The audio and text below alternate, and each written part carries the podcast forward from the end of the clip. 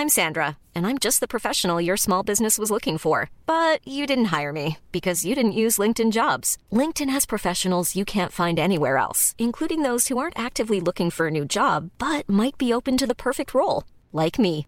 In a given month, over 70% of LinkedIn users don't visit other leading job sites. So if you're not looking on LinkedIn, you'll miss out on great candidates like Sandra. Start hiring professionals like a professional. Post your free job on linkedin.com/people today. Hey, it's Ryan Reynolds, and I'm here with Keith, co star of my upcoming film, If, only in theaters, May 17th. Do you want to tell people the big news? All right, I'll do it. Sign up now and you'll get unlimited for $15 a month in six months of Paramount Plus Essential Plan on us. Mintmobile.com slash switch. Upfront payment of $45 equivalent to $15 per month. Unlimited over 40 gigabytes per month. Face lower speeds. Videos at 480p. Active Mint customers by 531.24 get six months of Paramount Plus Essential Plan. Auto renews after six months. Offer ends May 31st, 2024. Separate Paramount Plus registration required. Terms and conditions apply if rated PG. Millions of people have lost weight with personalized plans from Noom, like Evan, who can't stand salads and still lost 50 pounds. Salads, generally, for most people, are the easy button, right? For me, that wasn't an option. I never really was a salad guy. That's just not who I am. But Noom worked for me. Get your personalized plan today at Noom.com. Real Noom user compensated to provide their story. In four weeks, the typical Noom user can expect to lose one to two pounds per week. Individual results may vary.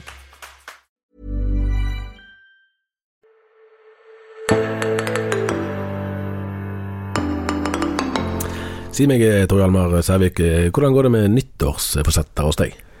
Jeg skal si det, Tarjei Gilje, at jeg har eh, en uvane med å stadig komme opp med de samme nyttårsforsettene, men, men jeg har kanskje fått et litt mer realistisk forhold til å realisere det. Så, så jeg prøver å, å holde meg eh, ja, prøve å benytte anledningen til å evaluere litt, og samtidig eh, være litt mer konkret og realistisk. da. Du har jo sittet mye for deg sjøl i dette underlige 2020, men det er kanskje noe du egentlig ønsker å fortsette litt med? Jeg syns mer fleksibilitet har vært et gode, men jeg ser jo at det, det er kjekt å være tilbake igjen her på kontoret. Sånn at vi, som vi er i romjula, nå er det litt stille og fredelig her, det er jo en del som ikke er på jobb.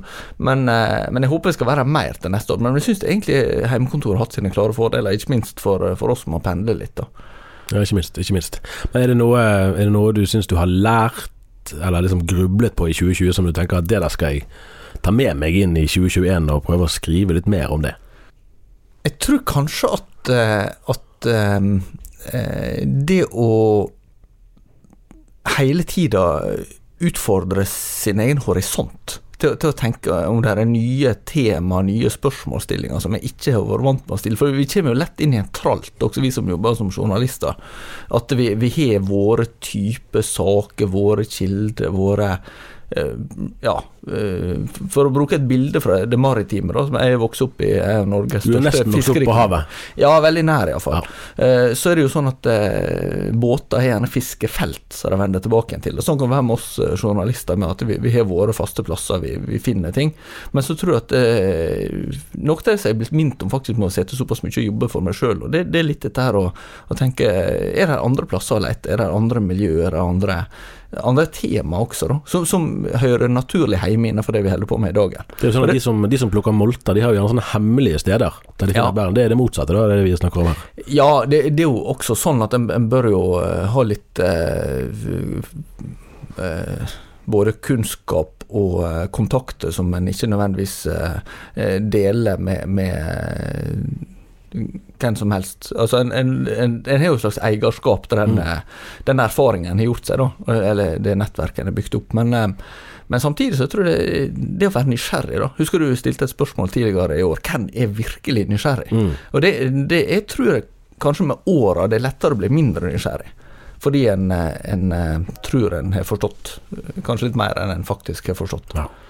ja, det er kanskje en av de viktigste lærdommene, det å forstå at det er veldig mye vi ikke forstår. Ja, og eh, litt av det tenkte vi å ta med oss nå eh, i denne romjulsepisoden, der vi, vi, ser litt inn i 2021 også, i den grad eh, vi påberoper oss ikke, ikke profetiske egenskaper. Men, men, vi har jo visse ting Iallfall i ganske beskjeden utstrekning. Ja, men, men, vi har jo visse ting som det er grunn til å forvente under normale omstendigheter. Mm. Eksempel så nærmer vi oss jubileet til det som er blitt kalt Norges første moderne nordmann, og som også var en vekkelsespredikant, nemlig Hans Nilsen Hauge. I april er det 250 år siden han ble født. Det er fare for at vi refererer for mye til denne turneen vi var på uh, i fjor, altså i 2019, men, uh, men, jeg tror vi skal tenke at vi har en viss terskel der ennå. Fordi at et av de mest spesielle øyeblikkene den høsten var jo når vi sto på et jorde i Østfold, som da het Østfold. Eh, og, og, visste at med et par hundre meters radius et eller annet sted her, var det Hans Nilsen Hauge gikk når han hadde sin store åndsopplevelse. Og vi sto der og sang 'Jesus sin søte forening og smake', som var den sangen han sang, han sang når, når dette, dette, helt spesielle skjedde. Ja, Det var i april 1796, eh, så da var han blitt 20, 25 år. Ja, ja. Men det, det, er jo ikke så mange hendelser som har preget det moderne Norge mer, egentlig, enn, enn akkurat det som skjedde der og da. Nei. Det er ganske tankevekkende, og det var jo en, en, en ganske alminnelig eh, bondesønn som, eh, som, gikk der, og som har eh, hatt store ringvirkninger. Kanskje så mange nordmenn undervurderer i dag, men så er det jo også sånn som vi snakka om før, før, vi begynte opptaket i dag, at når det kom 250 år på avstand, så er det så mye som har skjedd i mellomtida. Ja, du må vel være litt historisk, historiker, eller i hvert fall mer enn gjennomsnittlig historisk interessert for å, å ha noe veldig sterkt forhold til dette jubileet? Allerede nå. Ja, jeg så de hadde, hadde jo oppretta en nasjonal komité som skal være med. Ja, men En ganske interessant sammensetning. Ja, det var jo alt fra tidligere statsminister Kjell Magne Bondevik til tidligere Dagbladet og Aftenposten-redaktør Harald Stanghelle til uh, flere stortingspolitikere og kirkerådsleder Kristin Gunnlaugsrud Råum og uh, ja, min navnebror Per Sævik, eller navnebror, altså han er jo iallfall eh, fra samme plass, da. Ja. For det er jo, altså en av mange ting som er fascinerende, er jo at i hvert fall sånn i ja, Det gjelder kanskje mest på, på kirkeplanet, men litt i samfunnet òg, at, at, Hauge var jo en opposisjonell. Så han var jo på en måte en som, en som brøt med den sentrale kirkemakten. Ja. Det er jo noe sånn eiendommelig når, når nettopp sentralkirkelige organer vil drive og markere dette jubileet. Det var jo forbudt strengt tatt det Hauge gjorde, i og med at en hadde innført konventikkelplakaten. Det skulle ikke arrangeres eh, lekmannsmøte uten den lokale prests godkjenning. Og, eh, og, dermed så, så, ble det jo eh, mye motstand pga. Av, eh, av dette, og Hauge måtte jo til sammen sitte rundt åtte år i, i fengsel. Og Det tok vel egentlig knekken på mye av helsen hans? Ja, det gjorde det. Han var jo veldig plaga etterpå. Ble bare noen og 50, han ble ca. Ja, 53 år. Ehm, men, men eh, en person som har hatt helt sånn ualminnelig eh, innvirkning på, på norsk historie, og, og, på norsk kristenliv. Det at det lavkirkelige har stått eh, så sterkt i Norge, at vekkelsesbevegelser har vært så viktige, det er jo mye med Hauge å gjøre. Og så er det samtidig det paradoksale, sånn som du sier, på ene sida med at når åra går. Det er jo et, et, fenomen som vi kjenner også fra Det nye testamentet, der Jesus snakker om at eh, fariseerne på sin tid bygde gravmele over mm. profetene som ja. eh, deres forfedre hadde, hadde steiner. Da. Og så kan vi måtte sjølransakende spørre oss hvem er det som er fariseere i dag. Det, det, er jo ingen av oss som kanskje skal være for snarete å si at vi ikke kan, kan, være det på et eller annet vis. Sånn at eh, Eh, sånn sett så, så, tenker jeg kanskje at, at Haugjubileet er jo en slags utfordring til eh, det å, å, spørre hva, hva betyr det å, å ha en kristen tro og virkelig ta den på alvor. Og, og, og det, der er jo, er jo, Hauge helt sånn eh, forbløffende aktuell eh, midt i det at eh, det er såpass lenge siden han levde. De to siste ordene som gikk over leppene til Halsnisen Hauge, var visstnok 'følg Jesus' før han døde. Der er jo noe, der er noe eh, sympatisk, kan du si, eh, med at sentralmakten, da, eh, hvis vi kan kalle det de nevnte det, ønsker å markere dette jubileet. For det sier noe om at det har fått en utbredelse som strekker seg langt utover små og marginale miljøer. Men jeg har likevel grublet litt på det nå i opptakten, da, at den opposisjonskampen som han førte, den kallsbevisstheten som førte han Jeg intervjuet jo nevnte Per Sævik, eh, han fylte jo 80 år nå rett før jul. Ja, Du kan kanskje kort si hvem det er? Ja, Per, per Sævik er skipsreder, fisker, industrileder, eh, næringslivsleder i det hele tatt, eh, med base i Fosnavåg på Sunnmøre. Og tidligere stortingsrepresentant. Det òg. Eh, sammen med Kjell Magne Bondevik fra 1989 til 1993. Uh, han fortalte i Det var ikke jeg klar over, at uh, Hans Nilsen Hauge visst var i Møre og Romsdal fire ganger uh, til fots, må det jo ha vært, den gangen. en enorm innsats han la ned, i, ofte i konflikt med, med myndighetene. Eh, og jeg tror noe, Et av de perspektivene som jeg kommer til å ta med meg fra 2020, var, var det som den svenske forfatteren Magnus Malm eh, skriver om i den nyeste boken sin, der han konkret snakker om frikirkeligheten, men han bruker den som referanse òg på folkekirkeligheten, på den måten at i det samfunnet vi lever i nå, der, der eh, oppslutningen om kirkelig både medlemskap og deltakelse i gudstjenester synker, uavhengig òg av eh, korona, så, så eh, havner man jo i en form for minoritetstilværelse, enten man vil det eller ei. Eh, og Der er det på det rene at, eh, at kanskje særlig frikirkene, og du kan si òg bedehusene til dels, eh, har lang erfaring i nettopp det.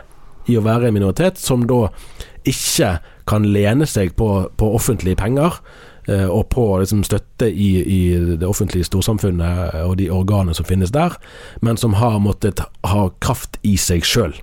Eh, eller i det man står for og kjemper for. Og det, eh, det blir det spennende å se da hvordan det utvikler seg fremover nå. fordi at det er jo mange som har villet smykke seg med Hauge-navnet. Det har vi skrevet om eh, i avisen før. Og, og noen, i noen tilfeller kan man si at en del virksomheter har en veldig tydelig link til Hauge. I andre sammenhenger kan du få inntrykk av at de har egentlig ikke, de er ikke veldig opptatt av Hans Nilsen Hauge nødvendigvis i, seg selv, men det er et godt, et godt brand, altså et godt merkenavn å smykke seg med. hvem er det som faktisk er villig til å ta en sånn kamp som han gjorde, og risikere å betale en høy personlig pris fordi det finnes noe som det er verdt å kjempe for, det skal det bli interessant synes jeg, å se både i 2021 og i årene etterpå. da. Jeg tenkte på, på det da jeg leste en kommentar i Dagbladet nå i forbindelse med, med jula. Det var Jon Olav Egeland som vel var sin tid sjefredaktør der, men nå er kommentator som skriver om eh, troen daler ned i skjul. Eh, at eh, jula er eh, sympatisk høgtid også for, for han som, som ikke tror han det, men at statistikken taler sitt tydelige, tydelige språk om at eh, kristendommen som, som felles eh, gods er på vikende front i Norge. Og Så blir det da et spørsmål om skal en se på statistikken og, og finne, finne, inspirasjon der, eller skal en, skal en, se på det en faktisk uh, tror på, uh, og, og, finne inspirasjon der. Uh, og, og, det er vel noe av det vi dette går tilbake igjen til. Ja, og der, og der, berører vi jo for så vidt i neste runde en, en spenning som vi vel ganske sikkert kommer til å, å se mer av òg i 2021. og Den, den eh, ble jo ikke minst synlig i rundt eh, valget i USA. og Da tror ikke vi liksom går inn på selve politikken og, og, og Trump og ikke Trump eh, nå, men, men den konspirasjonstendensen som, vi, som, vi, ser både særlig i USA, men òg egentlig en del her hjemme, den kommer nok til å følge oss der og det, Der tror jeg vi snakker altfor lett om polarisering i Norge. Og, for Vi sier polarisering, men mener egentlig å kritisere de som er uenige med oss, for at de bidrar til det. Og så, og så må vi alle sammen spørre om vi sjøl òg bidrar til det. Donald Trump hadde ikke vært mulig hvis ikke det var fordi at tilliten var bygget ned i lang tid i, i forveien. Og det kan vi òg se tilløp til, til her.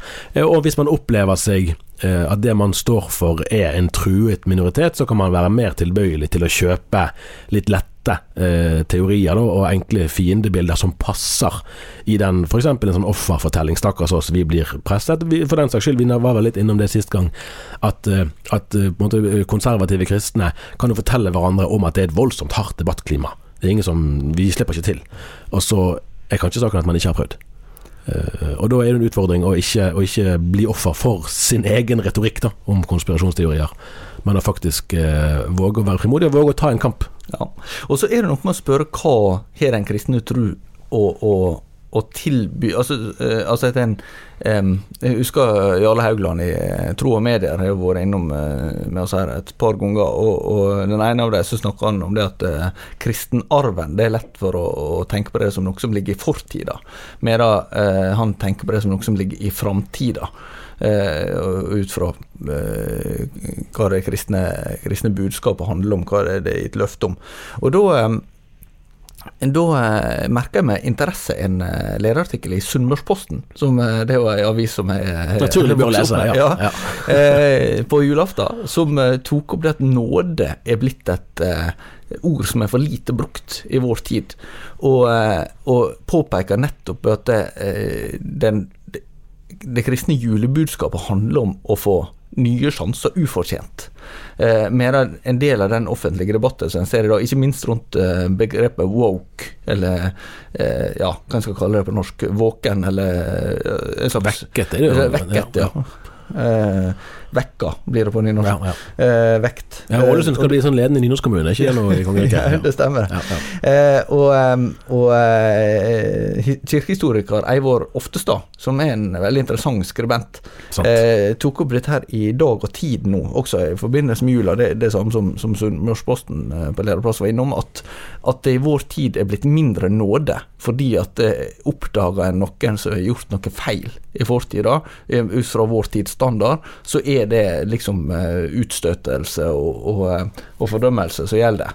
Eh, og og da er jo det ganske tankevekkende å se på evangeliet som handler om helt ufortjent nåde, helt ufortjent nye sjanser, og at den gjelder de som, som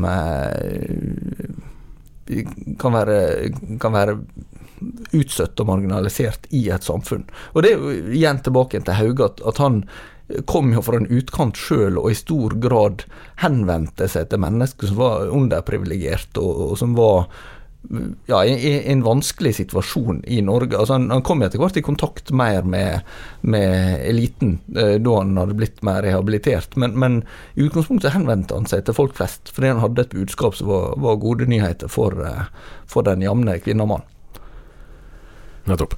Det skal bli veldig interessant å, å se det der, altså hva, hva, hva slags bevisstgjøring som finner sted, og ikke minst hvem det er som på ulike måter vil, vil eh, ta opp i seg da, arven fra, fra Hans Nilsen Hauge. For nå er det så lenge siden hans egen tid at etter hvert vil det på en måte ikke gi så mye mening, kanskje, å snakke om det hvis ikke det er fordi at, at eh, flere aktivt ønsker å følge opp eh, det, det som er i hans fotspor. Da er det jo det å si at han, han var jo en sammensatt person, så noen liker jo best forkynneren Hauge, noen liker eh, næringslivslederen. Det er ikke så mange kanskje som liker brennevinsprodusenten.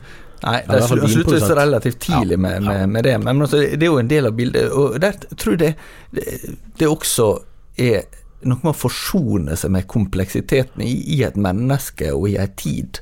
At, at eh, ting er gjerne ikke så entydig sånn som vi ville at de, skulle. Altså det, det er ikke mulig å forme en person i vårt bilde uten at eh, den personen på et vis går tapt. da. Der har vi en fin bro, nemlig. Man skulle tro at uh, du hadde gjort det før. For vi skal snakke litt om de lederskiftene, noen av de som, skjedde, som fant sted i Kristen-Norge i 2020. Men før det så har du et helt knippe eh, historier eller eksempler på mennesker som nettopp har eh, hva skal vi si, gått på smeller. da. Eh, noen blitt kjent etter sin død òg. Ja. I mer internasjonalt perspektiv, men som likevel sier noe om akkurat det som du sa nå om kompleksiteten i et menneske. Ja, det slo meg nå eh, før, rett før jul at, eh, at vi har hatt et år som ikke bare har vært, sett med et eh, dagen-perspektiv, ikke bare vært prega av, av pandemi og vanskeligheter, men det har egentlig vært relativt mange sånne høyprofilerte smeller. Som som Det gikk opp for meg at, at det var ja, jeg vet ikke hva som er vanlig i et år. Altså det, det, at, det, at det er Du ser verden under ett, så vil det alltid være en del en del uh, uventa ting som skjer, og skuffende ting som skjer. Men, men uh, jeg har hatt eh, Det kom en pressemelding fra det som heter Ravi Zacharias International Ministries. Jeg vet ikke om eh, de fleste lyttere Det er ikke så mange som har et kanskje nett forhold til men han har jo vært en viktig premisslemmer Ja. for mange norske kristenledere. Han, eh, Ravi. Zacharias han døde nå i mai, eh, og var født i India, men flytta forholdsvis unge til USA, og, og, eller var det Canada? Men iallfall hatt base i Nord-Amerika, og har bygd opp en stor internasjonal forkynner- og trosforsvarbevegelse, også med et eh, apologetisk senter i Oxford. og og eh, ja, gitt ut mange bøker, vært en som er vår store inspirasjon for mange. Og så kom det da fram anklag om, om eh, seksuelt grenseoverskridende atferd. Eh, som en har innleda undersøkelser av, altså i regi av hans organisasjon. Da har jeg lekt inn et advokatfirma. Og så nå er jeg kommet til at det, det viser seg å være hold i disse anklagene. Det kommer en full rapport i eh, januar-februar. Og så var det av datteren hans er Hun er styreleder. styreleder, ja. Og Ja. hun er også da, at det- Men, men de, i, i begynnelsen så, så avviste de jo dette, men, men Mm. eh, nå har de eh, snudd og sagt at dette her, det, det stemmer nok. Ja, ja. Og dette var bare ett av flere eksempler. Ja, og så har du også Hillsong, som vi snakka en del om, som var et stort fenomen i Norge. Men der hadde du han som var pastor i New York, Ja. som er en ganske stor eh, menighet i Hillsong-sammenheng, som eh, måtte gå av pga. utroskap. Ja, Det var jo en mer dramatisk historie det enn det Ja, den, for den, den kom jo ganske sånn Ja, på, på kort eh, Det skjedde over noen måneder i, nå i år, da. Um, I tillegg så er jo Jerry Falwell jr. som Jerry eh, Falwell, ja. Som en ja, altså han er sønnen til Jerry Falwell, ikke overraskende. som uh, var han som starta Moral Majority, som ble eh, egentlig uh, den viktige organisasjonen for det nye kristne Høyre i USA, fra seint på 70-tallet inn på Mm. 80-tallet, som uh, har vært viktig for å, å eh, knytte evangeliske hvite kristne til det republikanske partiet. Og eh, han hadde også ja, Ja, skal ikke gå inn i alle detaljer her, men det er jo litt sånn på et nivå iallfall beslekta historie som gjorde at han måtte slutte ved det som president ved det universitetet, Liberty University i Virginia, som da faren starta i sin tid. Eh, og så har du i tillegg eh, en som heter Jean Vanier, som, som eh, var en mye lest katolsk skribent, som eh, det har eh, kommet en rapport om nå i, i februar. Som også etter hans død. Da. Og Det er jo masse sånne etiske implikasjoner, for jeg kjenner jo litt på det, skal vi sitte og snakke om mennesker som er, som er døde eh, med sånne alvorlige og ufordelaktige ting, og skulle en snakke om det i det hele tatt? Og, og samtidig så tror jeg at det ligger noe sånn realistisk i det, og det, den som har hatt sånn lederposisjon det, det blir vanskelig å anonymisere det på et eller annet vis. Det, det er ting som Du, du har jo også tatt opp det tidligere med, med den uh, Birkeli-saka. Ja, jeg tenkte jeg skulle nevne det. Altså, tidligere, Nå er ikke så mange som husker han heller, kanskje, men, men Fridtjof Birkeli var jo biskop i Stavanger og i Oslo. Det var vel han som faktisk viet eh, kong Harald og Sonja i sin tid, så vidt jeg husker. Eh, og så kommer det jo frem eh, seinere at han hadde hatt eh, en elskerinne eh, på si, eh, altså i, i, i mange år, eh, som var en ungdomskjæreste. og og, og Tom Christiansen, NRK-journalisten, skrev en bok om det, og professor Øyvind Eide på, på VID, eller det som het Misjonshøgskolen før, eh, skrev en bok om det. Og ingen av de klarer helt å komme til rette med hvordan han eh, overfor seg sjøl eh, kunne rettferdiggjøre en livsførsel som helt åpenbart var i strid med det han ellers sto for som, som kristen leder. Og det blir, det blir stående som et mysterium hvordan han kunne leve med denne indre spenningen. Og det er vel litt det vi kanskje står igjen med for flere av disse her, at, at her er det noe gåtefullt. Har de levet i åpent bedrag, at de, at de står for noe og lever noe annet fordi de faktisk ikke egentlig står for det de sier at de står for. Tenker de at de er unntatt fra vanlige regler? Eh, Eller er det bare en form for, for eh, feilkobling? Altså, hvem vet? Det, det, det kommer vi vel ikke helt til bunns i. Men det er en ganske aktuell referanse til den her woke-kulturen som vi har skrevet litt om i, i det siste nå. Eh, på den måten at, at mennesker passer altså, Hvis man skal legge den standarden til grunn, at du skal kunne google et navn, og med en gang du finner et eller annet eh, fra en fortid, så er det mennesket mer eller mindre eh, avskrevet. Da er det ganske mange som blir avskrevet. Og der er det jo ei spenning imellom det å, å fastholde eh, de kristne idealene som er tydelig forankra i Jesus' i lære i Det nye testamentet, om hva, hva det innebærer å leve som, eh, som en kristen. Og på andre sida det at, eh, som, som Luther eh, oppsummerte det, mennesket samtid- en kristen er samtidig synder og rettferdig. At, at du vil vil i, også i høgprofilerte kristne ledere sitt liv, så vil du finne spenning og dissonans mellom liv og lære. Og, og, og, og dette er ikke for å bagatellisere de eh, problemene og de, hvor alvorlig det kan være, for det handler om tillit, det handler om, om eh, sannferdighet. Men, men samtidig så, så er det et eller annet med å forsone seg med, eller iallfall justere forventningene, kanskje. Eh, for, for, jeg tror at det er en del eh, eh, skuffelser og en del eh, forvirring som rett og slett eh, kan bli unngått hvis en har et mer nøkternt litt eh, ja, mer nøktern forventning til, til, hva et menneske er, da. også om det er en kristen leder. Akkurat. Og da har vi jo gitt, gitt de vi nå skal nevne, et, et, måte, uten å gjøre noen som helst kobling direkte i sak, men gitt en, en ganske sånn nøktern inngang, da Eh, på den måten at det at man skifter leder er ikke det samme som at man dermed løser eh, alle problemer, eh, eller at man omvendt, at, at utelukkende nye problemer oppstår pga. lederskifte. Men jeg tenkte vi skulle se på noen av de skiftene som har funnet sted i Kristen-Norge i år. og det, For det blir jo en, en, en slags lupe, da, eller en tolkningsnøkkel, for å forstå litt av året 2020. Hvis vi tar det sånn cirka kronologisk, så var det første i pinsebevegelsen som hadde sin lederkonferanse, LED 20, i, i februar. Der ble Øystein Gjerme eh, innsatt som leder for Lederrådet, da, altså det som er et slags landsstyre. I, i pinsebevegelsen. Eh, så hadde da Ingunn Ulfsten, den tidligere KrF-politikeren, eh, og tiltrådt som administrasjonsleder. Gjerme er jo ellers kjent som, som pastor i Salt.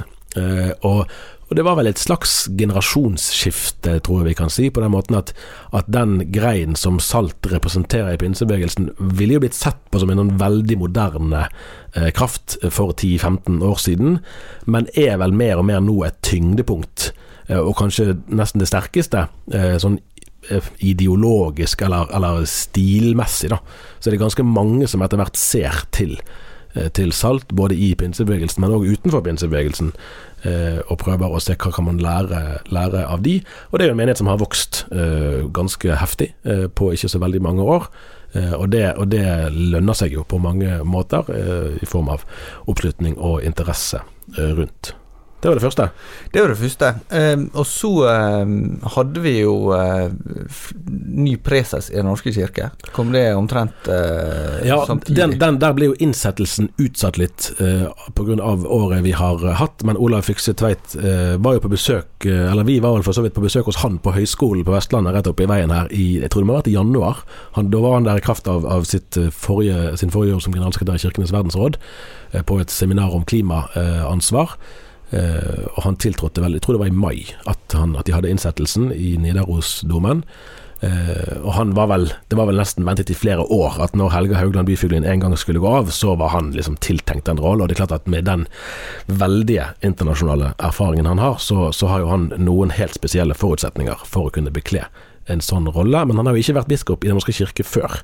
Nei, det, det, er jo nytt, sånn sett. Altså, ja. det, der har jo vært endringer i hele ledelsesstrukturer der, for hvis du går tilbake til eh, til før uh, i tid, så, så, hadde du jo en, en presesfunksjon, men den var, den var knytt til en av biskopene, ja. som, det heter så fint på latin, og preses inter pares, eh, den fremste blant likemenn. Og Det skal den formelt fortsatt være, men da hadde en en eh, ordinær bispegjerning. Det, det, var vanligvis knyttet til Oslo. Men det, men, men det opphørte jo med Gunnar Stålsett. Eh, nettopp. Og, og, da ble, da ble eh, Odd Bondevik i Møre mm. preses en stund, ja. og så var Olav Skjevesland i Agder en stund. Så, sånn at det, det, det er jo blitt et ty, en tydeligere toppfigur da, i, i, Den norske kirke, med bare tilsyn med Nidaros domprosti, sånn at en, en, skal ha mer tid til å utøve et slags offentlig, eh, synlig lederskap i Den norske kirke. Og det, og det, blir jo litt interessant å se hvordan eh, Fykse Tveit vil, vil fylle den rolla, for, for eh, eh, som jeg nevnte i stad fra fra den kommentaren i Dagbladet, så har jo Den norske kirke eh, En må innstille seg på ganske store om, eller endringer i kirka sin posisjon i befolkninga, og også et større sprik mellom hva, hva kirkeaktive mennesker i Norge tenker om en del spørsmål. Så gjør at du tidligere kunne forvalte i større grad en slags konsensus eh, og, og representere iallfall Den norske kirke kanskje mer samla enn det som er lett å gjøre i dag. da. Og der, der, eh, er det vel riktig å si at altså for så vidt i likhet med sin forgjenger Helga Haugland Byfuglien, at Fykse Tveit er ikke noen barrikadestormer eller noen aktivist. Eh, han, han, vet på en måte å, å porsjonere uh, sitt engasjement, og ikke hoppe på alle baller som måtte komme hans vei, og vil nok være bevisst på å å konsentrere seg om det han opplever som det mest sentrale eh, av kirkens eh, identitet. Eh, og så er det mange andre ting som andre kan, kan ta seg av. ellers så representerer vel overgangen fra byfuglien til han først og fremst altså, altså kontinuitet mer enn brudd, da, når det gjelder teologisk profil. Det må det vel eh, være greit eh, å si, tror jeg. Men, men det var jo interessant å merke seg nå før eh, Rett før jul så skrev Vårt Land om at eh, han var blant eh, en av flere så, som var med på et internasjonalt opprop for å forby såkalt konverteringsterapi, mm. som blir jo diskutert i flere vestlige land, det er så omtalt fra Australia nå eh, nylig, det, altså for mennesker med, med homofil legning. Eh, og, og, det vil jo være et spørsmål der jeg det er jo ikke noe overdrivelse å si at, at det, det, er ganske mange som aldri kunne tenkt seg å signere et sånt opprop, eh, blant de som, eh, som sitter i, i kristne lederposisjoner i Norge, men tvert imot er ganske bekymra for hva det kan, kan føre til. Ja. Eh, så, sånn at det, det, illustrerer jo en del av de spenningene som, som han også da skal ta stilling til og skal profilere Den norske mm. kirke på. Ja, det er riktig å si. Eh, så, så, har det vært to uh, skifter som begge har å gjøre med NMS. Det ene var Jeffrey Huseby som forlot generalsekretærjobben i NMS for å, bli, for å få tilsvarende jobb i Sjømannskirken. Og det andre var da Helge Gård som uh, gikk fra å være styreleder til å bli generalsekretær i NMS. Og Gård hadde vi besøk av her òg i ja, Det var digitalt besøk, da, men ikke fullt i vår. For de skulle jo hatt generalforsamling i NMS i Ålesund i juni, men den blir da utsatt til neste år. Nå er vel utsatt ennå en gang, ja. så vidt jeg husker. NMS er jo da Norges eldste misjonsorganisasjon fra 1842. Stiftet samme år som den berømte og nevnte konventikkelplakaten ble opphevet. Ja, og med sønnen til eh, Hans Nilsen Hauge som styr, første styreformann. Andreas Hauge. ikke. Da har vi den. ja. Altså det, det, var de, eh, skal vi se. Eh, og så har Nordmisjonen fått ny generalsekretær. De har jo ikke hatt så veldig mange, for den, den organisasjonen ble jo stiftet etter årtusenskiftet. Ja, og det, det interessante er jo at det sammenfeller omtrent med vår journalistiske karriere. og vi, vi, innså nå at dette blir den fjerde generalsekretæren i Nordmisjonen vi skal forholde oss til. Det skal jo sies at altså Indremisjonsselskapet og, og Santalmisjonen og Langesundsfjordens Hva heter det? Nordmisjonsselskap. Ja, riktig. Ja. Det var de tre som ble til Nordmisjon. Ja. De har jo en mye mye lengre historie. Den går tilbake til midt på 1800-tallet. Ja. Men Nordmisjonen som sådan, 2000-tallet, da er det Anfinn Skåheim, og så er det Rolf eh, Kjøde, og så nå Anne Birgitta Langmoen Kvelland de senere årene, som altså da gikk av. Eh, og Kjetil Westel Haga eh, tok over, og tiltrådte vel i september, i hvert fall var det i høst. Det kan sikkert stemme. Han har vært mange år på bibelskolen i Grimstad, som er deres ja, Nordnordsjøen sin bibelskole hadde jo to. Ja, Det er vel en av de største bibelskolene i Norge, hvis ikke ja. det er den største, faktisk, tror jeg, i antall elever akkurat nå. Før, eh, Det hadde også en i Oslo, men det ble en del av NLA etter hvert. Ja, riktig. riktig. Og der, Jeg prøvde å sjekke litt uh, før, uh, før, ansettelsen der, for det var jo varslet. Uh, altså Det var en tid fra hun meldte avgang til han tiltrådte, og ulike kandidater. Og det, han, han, Det er nok et godt, altså et trygt valg, for å si det sånn, i, i Nordmisjon. Han er en solid leder som har altså, vel anerkjent. Nordmisjon har jo har jo det, den liksom snedige uh, spenningen at, altså for at IMI-kirken i Stavanger alene samler flere til sitt sommerstevne enn Nordmisjon samler til sitt, mens IMI-kirken likevel er en del av Nordmisjon. Uh, og, og, der har jo IMI utviklet en profil som uh, altså, Det er helt klart det er integrert i Nordmisjonen, og, og generalsekretær Kvelland har jo vært veldig nøye med å understreke at IMI er Nordmisjon. Man ønsker ikke å lage noen sånn her satellittvirksomhet. Uh, samtidig som kanskje Vestil Haga vil bli sett på som en litt mer uh, tradisjonell nordmisjonsleder enn det som altså F.eks. Egil Elling Ellingsen, som er pastor i IMI, eh, ble nevnt som en av, av kandidatene. Det ville nok ha innebåret en, en litt annen profil på nordmisjon enn det som, som ble valgt, men, men, som sagt, Vestil Haga er nok en som står enda mer sentralt plassert, tror jeg, i hvert fall sånn historisk. Men, men i, hele i det, det, den tematikken illustrerer jo noe av det større kulturelle og uh, spirituelle, teologiske mangfoldet som også finnes innenfor uh, organisasjoner sammenlignet med tidligere. Du nevnte jo Indremisjonsselskapet som var utgangspunktet for, for uh, no, den eldste av organisasjonene som, som ble til, etter hvert til Nordmisjon på, på over 100 års utvikling. Men det var jo måte, den organiserte haugianismen på, på 1800-tallet mm. utover. Det var de som virkelig tok eierskap til Hans Nilsen Hauge, eh, og, og, kombinerte dette med bedehus på, på kveld og, og, gudstjenester på formiddag. For Hauge ønsker jo å forbli i Den norske kirke, men samtidig eh, ha vekkelser der. Eller, eller, ha en vekkelsesbevegelse der. Mm, mm. Eh, og Dette var før det fantes bedehus i Norge, så Hauge gikk jo før den tid.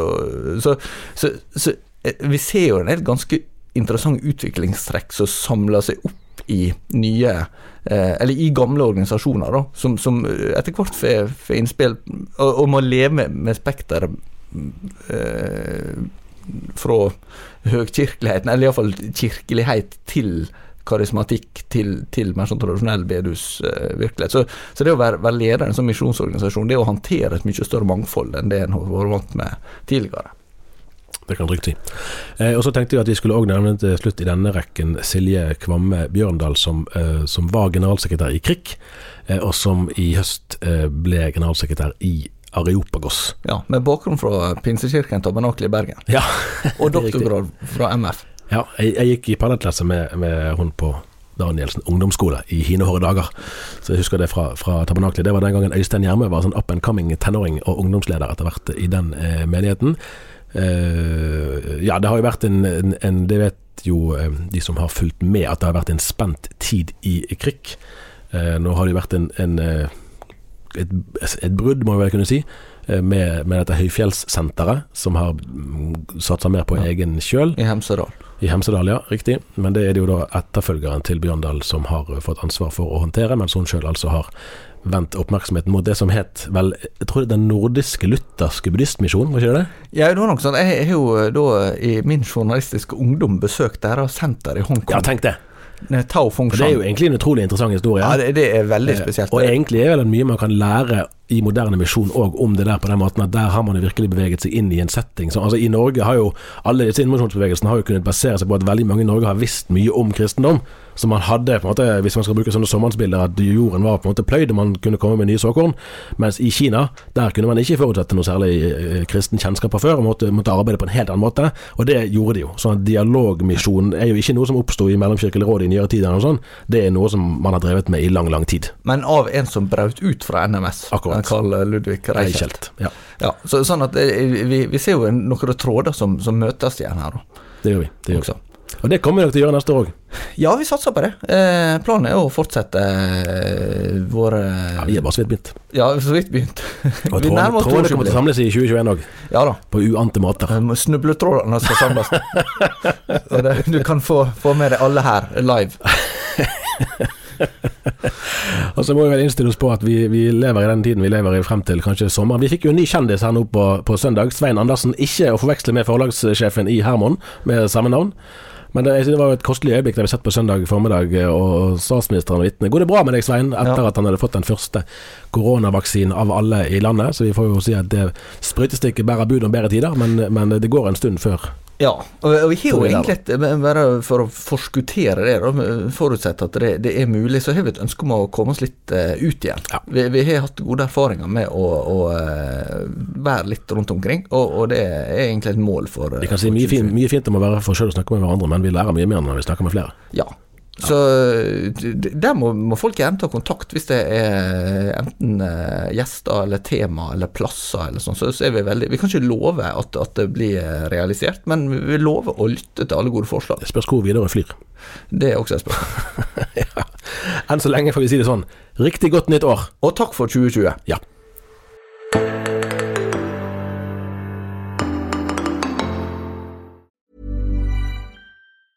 Planning for your next trip? Elevate your travel style with Quince. Quince has all the jet setting essentials you'll want for your next getaway, like European linen, premium luggage options, buttery soft Italian leather bags, and so much more. And is all priced at 50 to 80% less than similar brands.